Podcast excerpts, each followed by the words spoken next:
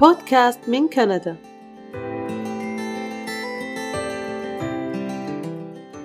أهلا أهلا. كيفكم اليوم؟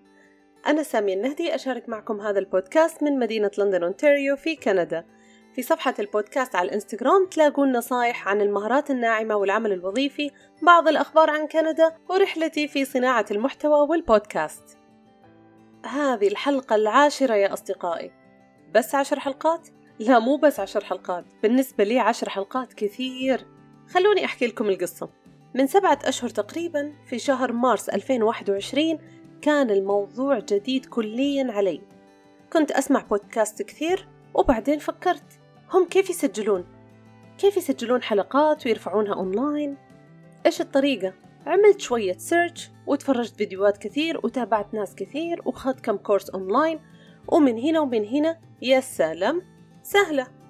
الآن عرفت الطريقة لكن مو هذا المهم. المهم إيش أقول؟ كيف أبدأ؟ لمين أوجه الكلام؟ إيش راح يكون إطار العرض؟ أسجل بالفصحى ولا بالعامية؟ يي بس أخاف كلامي يكون بايخ. مين راح يسمع أصلا؟ وبعدين ال... مو الآن بليز يا الله. هذا الضيف إذا قالوا لك ضيف ثقيل. بعدين راح أحكي لكم عنها. وبعدين جلست أفكر. أحكي قصص مثلا بالفصحى على طريقة حكايات عالمية. ولا أشارك مقتطفات من الكتب اللي أقراها. أو بمعنى أصح الكتب اللي أتصفحها. لأني دائما أشتري كتب وما عندي منطق إنه الكتاب لازم ينقرأ من الغلاف للغلاف. لا دائما الكتب أقراها بشكل عشوائي. ما أعرف ليش. يعني مثلا أشوف الفهرس أتنقل بين المواضيع. كل يوم جزء أقرأ شوي من النص وبعدين أقرأ من آخر الكتاب وأرجع أقرأ من أوله. وأحيانا ما يكون في منطق الأفكار مو متسلسلة أرجع أعيد. يعني الكتاب ما يخلص معي أجلس سنة أقرأ فيه. فكروا معي. بالنسبة لصناعة المحتوى إحنا بشكل يومي نصنع محتوى لا شعوريا. مو ضروري بهدف نشره على ال social media ولكن نقاشك ووجهة نظرك في الأمور محتوى. صوتك في الاجتماعات ورأيك لما تشاركه مع زملائك في العمل محتوى. جدولة مواعيدك ترتيب المهام الرحلة اللي أنت مسؤول عن ترتيبها من الألف للياء وين نسافر وين نسكن إيش ناخذ معنا محتوى إذا كنت أنت الفوتوغرافر تبع العائلة كل ما اجتمعوا في مناسبة قالوا نادوا فلان هو أحسن واحد يصور معناها أنت صانع محتوى لكن اليوم رح نحكي عن قرار مشاركة المحتوى نفسه مع الناس هل أشارك محتواي مع العالم كله ولا لا؟ هل يستحق محتواي إني أشاركه؟ وليش أشاركه أساساً؟ إيش راح أستفيد؟ خلونا نتفق أول شيء إنه كيفية صناعة المحتوى تختلف على حسب الأشخاص وعلى حسب نوع المحتوى. لو أردنا التبحر في الموضوع راح نلاقي إنه في طرق كثيرة واستراتيجيات متنوعة وعملوا عليها دراسات وقصص ولكن بالنهاية لكل مجتهد نصيب. أنا شخصيا مو من مؤيدي الاستراتيجية الواحدة دائما أقول إنه في أكثر من طريقة لعمل الشيء وخاصة في صناعة المحتوى المجال مفتوح لإبداعك. الواحد ممكن بعدين يعدل طريقته واستراتيجياته بعد ما يجرب. يصير يغير وهو ماشي على طول الخط. طيب إيش هو المحتوى الرقمي؟ التعاريف الموجودة في الإنترنت كثيرة لكن جبت لكم أسهلها. المحتوى الرقمي يا أصدقائي هو طريقة مرئية أو مسموعة تستخدم للتعبير عن الذات مشاركة علم أو معرفة أو للتسويق لمنتج أو فكرة معينة أو حتى لتسويق الرأي العام. عادة نستخدم كلمة محتوى بشكل واسع وفضفاض المحتوى ممكن يكون مقطع فيديو أو post مقال في مدونة تسجيل صوتي صورة فوتوغرافية أو animation أي شيء أنت تنتجه وترفعه أونلاين اسمه محتوى. طب مين هو صانع المحتوى الرقمي؟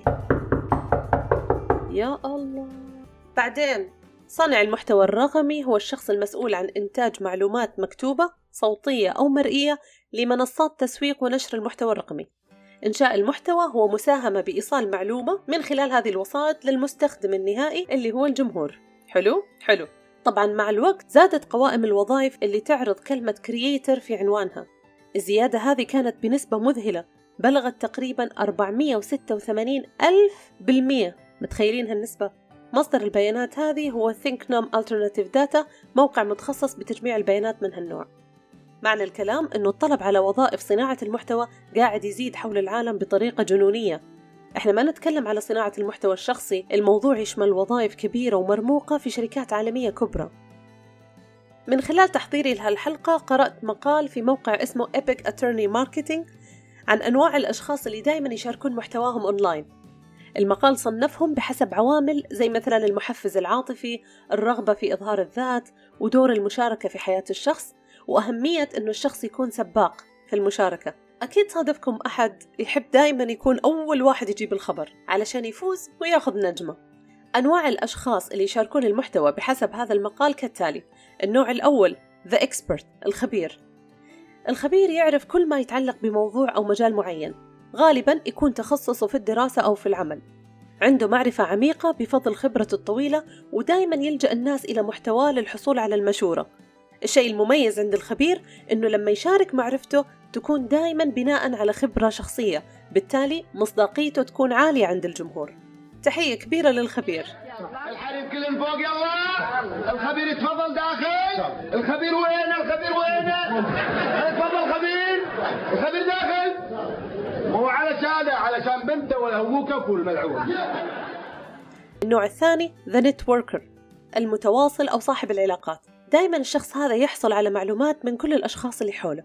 يحب تبادل الأفكار والنقاشات والتكهنات. يطلع من كل محادثة يجريها بمعلومة مهمة يروح جري ويشاركها مع الناس. النوعية هذه يقدرون ويفهمون قيمة العلاقات ويبذلون مجهود مستمر لإبقاء التواصل والاهتمام بشبكة العلاقات الخاصة فيهم والكوميونتي الصغير اللي هم موجودين فيه.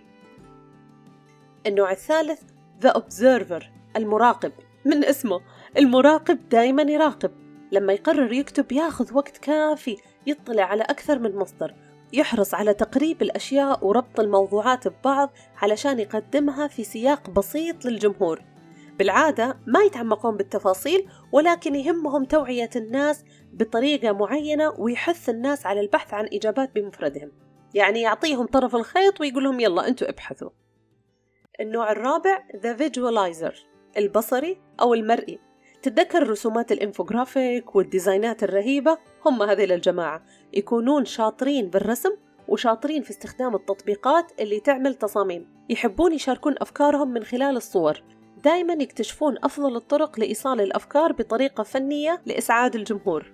والشيء اللي يميزهم أنه عندهم القدرة على إعادة استخدام المحتوى الحالي بطريقة جديدة وإنشاء محتوى جديد.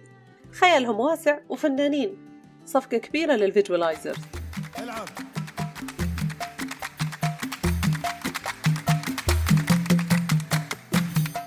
النوع الخامس the convincer المقنع. المقنع عبارة عن مندوب مبيعات. عنده مهارات إقناع خيالية. يقدر يوجه الجمهور بطريقة معينة إنه يفكر في الموضوع أو الفكرة اللي هو يبغاها. يقدر يحول المتابعين إلى متابعين أوفياء وبعدين إلى عملاء في نهاية الرحلة. النوع هذا عنده قدرة على إلهام الناس وإثارة حماسهم لفكرة جديدة. بما أنه مقنع راح يجيب لك كل الأدلة اللي تقنعك بالفكرة اللي عنده. رهيب جدا. لما تعرف نفسك أي نوع من صناع المحتوى وتعرف نقاط قوتك راح تقدر تقرب من هدفك بطريقة أسرع. وراح تنتبه لنوع الرسائل اللي تشتغل عليها اللي تضمن لك أفضل طريقة للتواصل مع جمهورك وكيف تنقل فكرتك وقيمتك بشكل فعال يوصل للناس بأسرع طريقة تعالوا نفكر سوا ليش نصنع محتوى؟ ليش؟ لماذا؟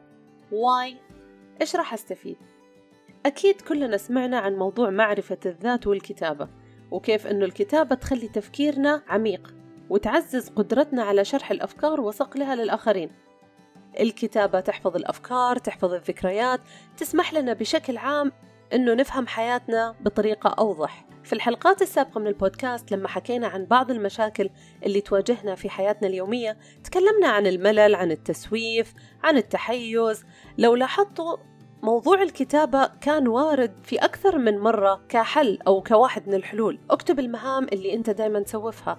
اكتب الأمور اللي تخليك آه، متحيز. اكتب المواقف اللي صعب تتكيف فيها. دايما اكتب اكتب. موضوع الكتابة وارد. المرة هذه أنت راح تكتب محتوى راح تكتب أفكارك راح توثق الأشياء اللي أنت تمر فيها وتحس فيها. فوائد صناعة المحتوى عديدة. اليوم راح أشارك معكم ستة فوائد لصناعة المحتوى.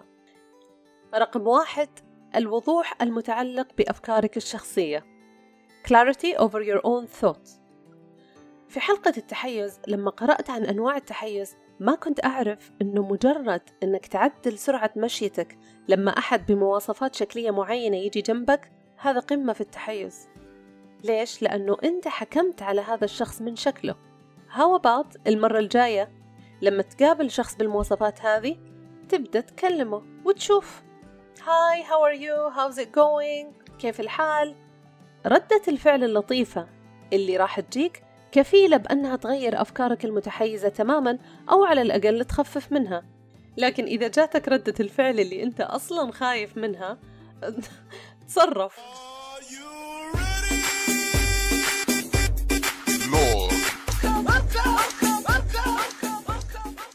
رقم اثنين تطوير مهاراتك مهارة الكتابة، مهارة البحث، مهارة القراءة، مهارة الاستماع، كل هذه مهارات مهمة ما نتعلمها في المدارس. لما تتعود إنك تبحث وعينك تتعود تعمل قراءة سريعة، هذه كلها skills. ما عمرك مريت في موقف مثلا تكون أنت وصاحبك تقرون إيميل مهم مع بعض وفي نفس اللحظة تكون أنت وصلت لآخر الإيميل وهو لسه في أول paragraph؟ إيش معنى هالكلام؟ معناها أنه أنت قراءتك أسرع. عندك مهارات القراءة السريعة وصاحبك لسه يتأتئ في أول paragraph هذا معنى. المعنى الثاني أنه أنت تقرأ بسرعة لأنك تدور المصيبة اللي في الإيميل. كم يوم خصموا الملاعين رقم ثلاثة تبني لنفسك تاريخ. بورتفوليو الرسام عنده لوحات. ممكن في أي وقت يعمل معرض. الشاعر عنده ديوان شعري موجود ومحفوظ. الكاتب كتبه موجودة في كل المكتبات أنت وين أثرك؟ وين شغلك؟ في وظائف صعب الواحد يوثق شغله فيها زي الأعمال الإدارية مثلا أنت سكرتير أو أنت موظفة استقبال أو أنت شخص تشتغل في في إيش ها؟ بالمبيعات مثلا أو في الموارد البشرية وين أثرك؟ اشتغلت عشر سنين في هالمجال خبرتك وينها؟ موجودة أكيد لكن في راسك ما حد يعرف عنها إلا الناس اللي اشتغلوا معاك. التغييرات الصغيرة هذه راح تحدث فارق كبير في المستقبل. أنت ما راح تحس فيها الآن لكن لما تمر سنة وسنتين ثلاثة من صناعة المحتوى راح تلتفت تقول يا الله أنا سويت كل هذا. برافو علي. سمعتوا بال butterfly effect إنه لما فراشة مثلا ترفرف جناحها في مكان بالعالم الترددات تبع الهواء مع المتغيرات الأخرى ممكن تسبب إعصار في مكان ثاني من العالم. وبعدين وبعدين. رقم أربعة تبني علاقات. العلاقات هذه ممكن تكبر تتعرف على ناس يدعمونك. مع الوقت تعمل شركات أعمال تعمل كولابوريشن يكون عندك أصحاب في كل مكان في العالم. رقم خمسة العائد المادي. قبل ما تبدأ في استثمار المحتوى الخاص فيك لازم تتأكد من أنك تنتج محتوى بجودة عالية. إذا كنت فعلا جاد أنك تحصل على دخل من المحتوى اللي تنشره. محتواك لازم يكون تعليمي وترفيهي وتحفيزي. في مصطلح اسمه edutainment education and entertainment تعليم والترفيه. وفي مصطلح ثاني اسمه valuetainment ال value اللي هي القيمة وال entertainment اللي هي الترفيه.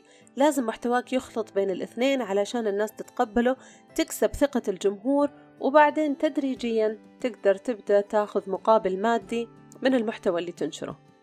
إذا كنت تبيع منتجات أو خدمات من الأفضل أنك تتبع قاعدة العشرين ثمانين. ثمانين بالمية محتوى مجاني هادف ومهم وله قيمة عالية وعشرين بالمية محتوى خاص بالبيع. لكن لو كان محتواك كله بيع بيع بيع أكيد مع الوقت أكيد مع الوقت الجمهور راح يمل. وراح يحس أنه أنت بس هدفك مادي بحت. محتواك لازم يكون فريد أصلي مختلف عن الخيارات الأخرى لازم تركز على الجودة العمل ما يكون فيه أغلاط الصور واضحة ريزوليوشن ممتاز آه، ما في أغلاط إملائية ونحوية. طبعا ضروري جدا الاستمرارية. الاستمرارية في التعلم والتطوير جمهورك راح يكبر معاك ويتطور معاك راح ينتظرون محتواك الجديد وبيكون عندك عملاء مخلصين مع الوقت. رقم ستة على المدى البعيد بيكون لك أثر إيجابي على المجتمع وفي حياة الناس اللي ممكن يكونون في أماكن أخرى من العالم ويشعرون بالامتنان اتجاهك وأنت أصلا ما تعرفهم. متخيل روعة الشعور؟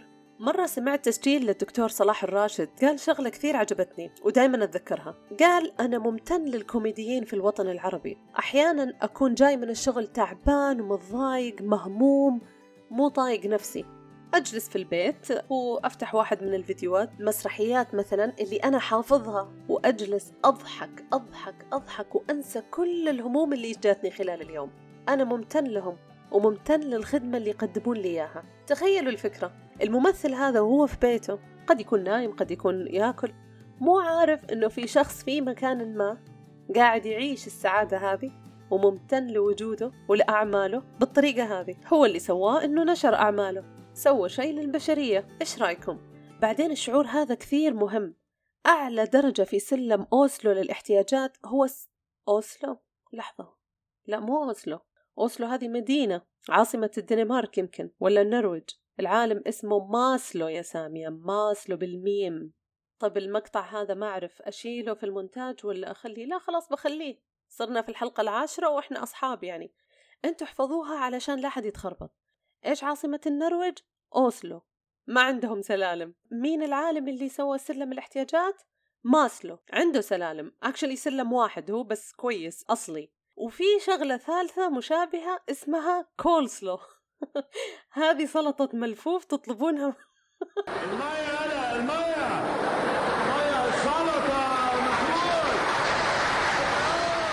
وصف عالم النفس الأمريكي أبراهام ماسلو الحاجة للتقدير والحاجة لتحقيق الذات بأنهما أعلى مستويين في هرم الاحتياجات الإنسانية.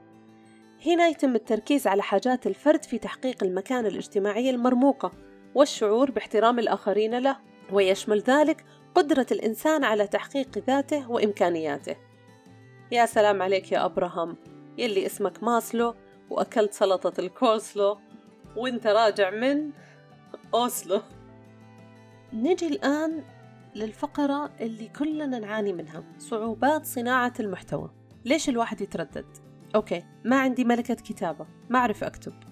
ما عندي مهارات تصميم ما أعرف من وين أبدأ أساسا. حلو؟ تقريبا هذه الثلاث أشياء هي الأساس. ما عندك ملكة كتابة لازم تتابع ناس كثير. كبداية علشان تفهم كيف الدنيا ماشية وكيف الناس يكتبون. تابع حسابات مشابهة لتخصصك. حسابات كبيرة ومتوسطة وصغيرة. In order to create content you need to consume a lot of content.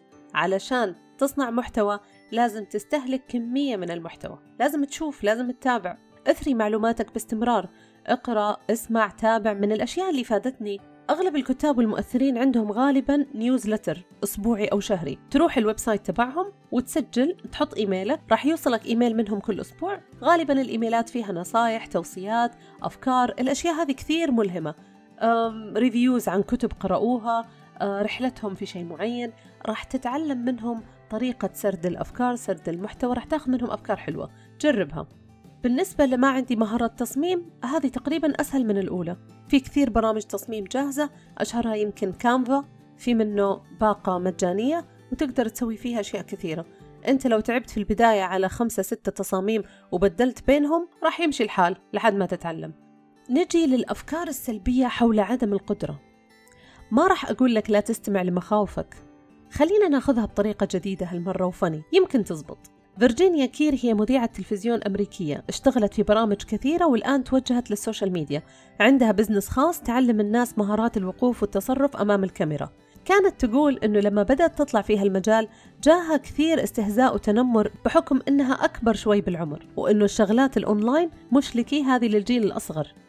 كان دائما ردها أنه الجيل الأصغر صحيح قد يكون أسرع في تعلم التكنولوجيا وال social media لكن ما عندهم الخبرة العملية الكافية في العمل الإذاعي والمحتوى اللي يجذب الجماهير. فيرجينيا اقترحت فكرة حلوة. اقترحت أنك تعترف بوجود المشاعر هذه وتعاملها كأنها شخص. سمعتوا بمصطلح أنسنة الأشياء أو المشاعر؟ زي مثلا باللغة العربية لما يقول الشاعر جاء القلب وذهب الفؤاد. ما القلب يعني قلب ما المفروض أنه يجي ويروح. ولكن ولا مثلا قلق الرحيل. الرحيل نفسه اللي هو مش إنسان جاه قلق.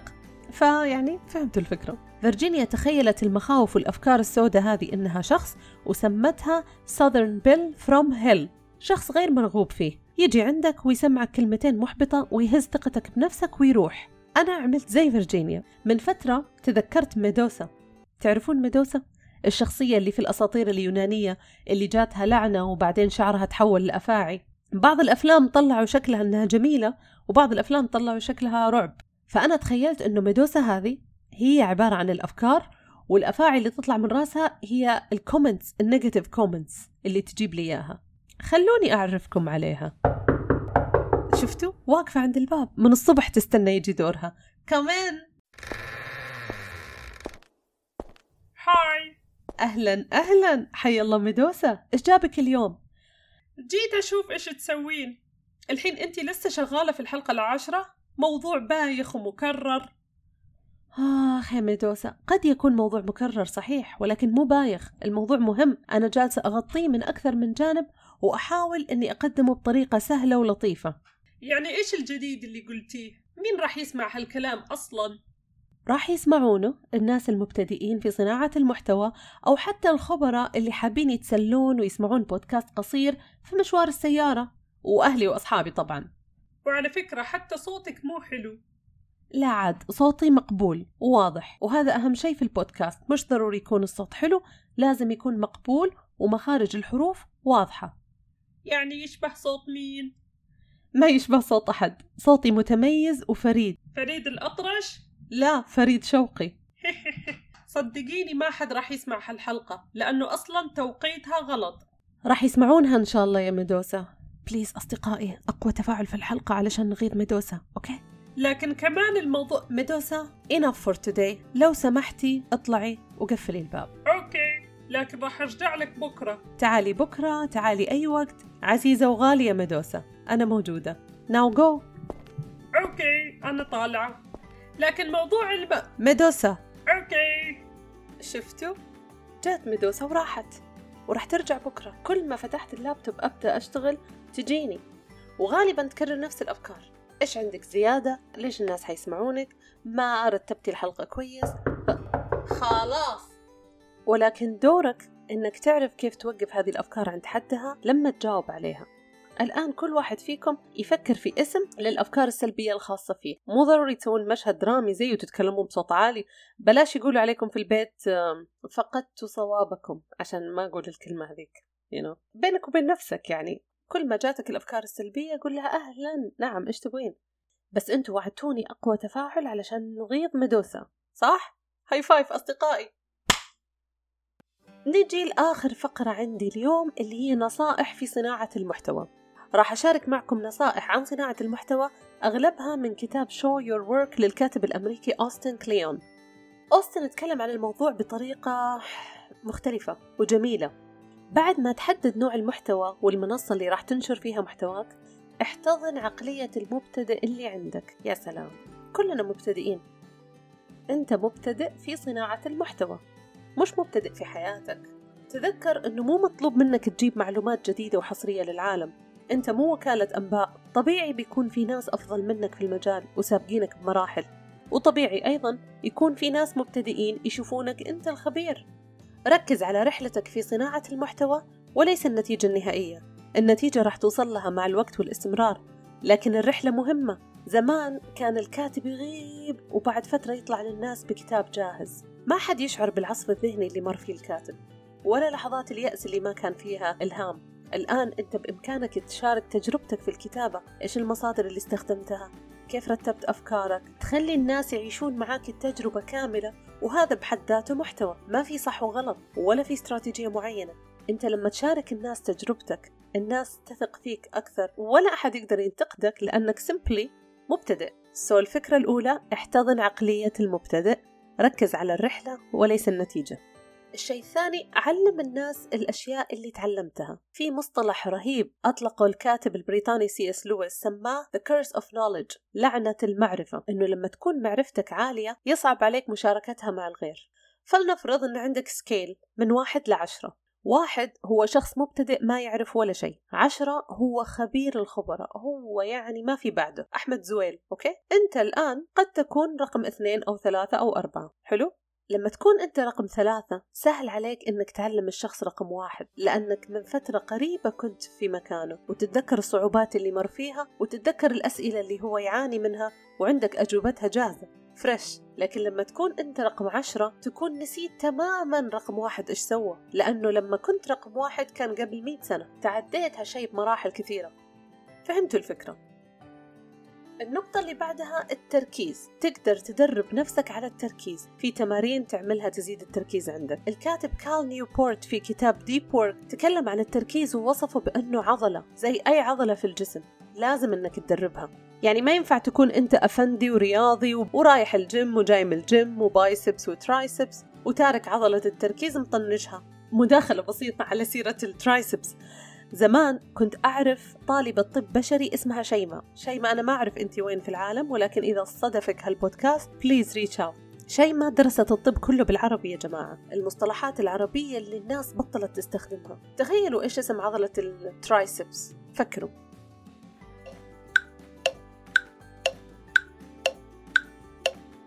اسمها الشاطح الناطح ذو الثلاثة رؤوس. تنين. نرجع لموضوعنا. لازم تبقى على اطلاع دائم القراءة والبحث. فهم الغرض من النشر. قبل ما تنشر أي محتوى لازم تعرف إيش هدفك منه. هل هدفك توجيه الناس لشراء شيء معين؟ التركيز على نقطة معينة؟ تريد المزيد من المشاركات؟ تريد المزيد من المتابعة؟ إيش هدفك من كل منشور؟ وبعدين قيس النجاح هذا. كل خطوة تمشي فيها لازم توثقها لأنه إذا ما وثقت ممكن المحتوى ما يجيب لك النتائج المتوقعة وراح تستمر في ارتكاب نفس الأخطاء بدون ما تحس. نظرتك أنت ورأيك في الموضوع وتجربتك هي اللي بتخليك مميز مو المعلومات اللي تقدمها. لأن المعلومات اللي تقدمها موجودة في كل مكان وفي غيرك كذا واحد يقدم نفس المعلومات. لكن تذكر طريقتك وإضافاتك هي اللي راح تميزك. حلقتنا وصلت لآخرها يا أصدقائي. قبل لا أختم أحب أستخلص الكلام في ثلاث نصائح لك كصانع محتوى وثلاث نصائح لك كمتلقي محتوى. معك ورقة وقلم؟ كصانع محتوى رقم واحد لا تأجل البداية. مهم أنك تبدأ تشارك محتواك اليوم. الطريقة المثالية شارك مع الناس تطورك وشارك وراء الكواليس. خبرتك وخطواتك اللي تمر فيها مهمة جدا عند الناس لأنها تبني ثقتهم وراح تتطور مع الوقت. الكاتب الأمريكي ورائد الأعمال راين بيلر عنده مقولة مشهورة يقول If it's important you will find a way. If it's not you will find an excuse. إذا كان الأمر مهم ستجد طريقة. إذا لم يكن ستجد أعذارا. رقم اثنين الأفكار السلبية موجودة. اعترف بوجودها وتعامل معها بشكل إيجابي. تذكر أنت كيان حقيقي بينما هي مجرد أفكار. رقم ثلاثة كن صادقا في طرحك. لا تدعي المثالية ولا تتصنع الكمال. لا تتعامل مع الجمهور كأنه مجرد رقم. تذكر أن المنافسة كبيرة والناس صارت تعرف تميز. لازم أنت تكون معاهم صادق النية. أراجع ذكريات أمسي وماضي ما حصل لي بعد أن عز لقياهم بالود قلبي يسقاهم. عساهم يذكروا ودي عساهم في الروحات والجياهم صادق النية. عساهم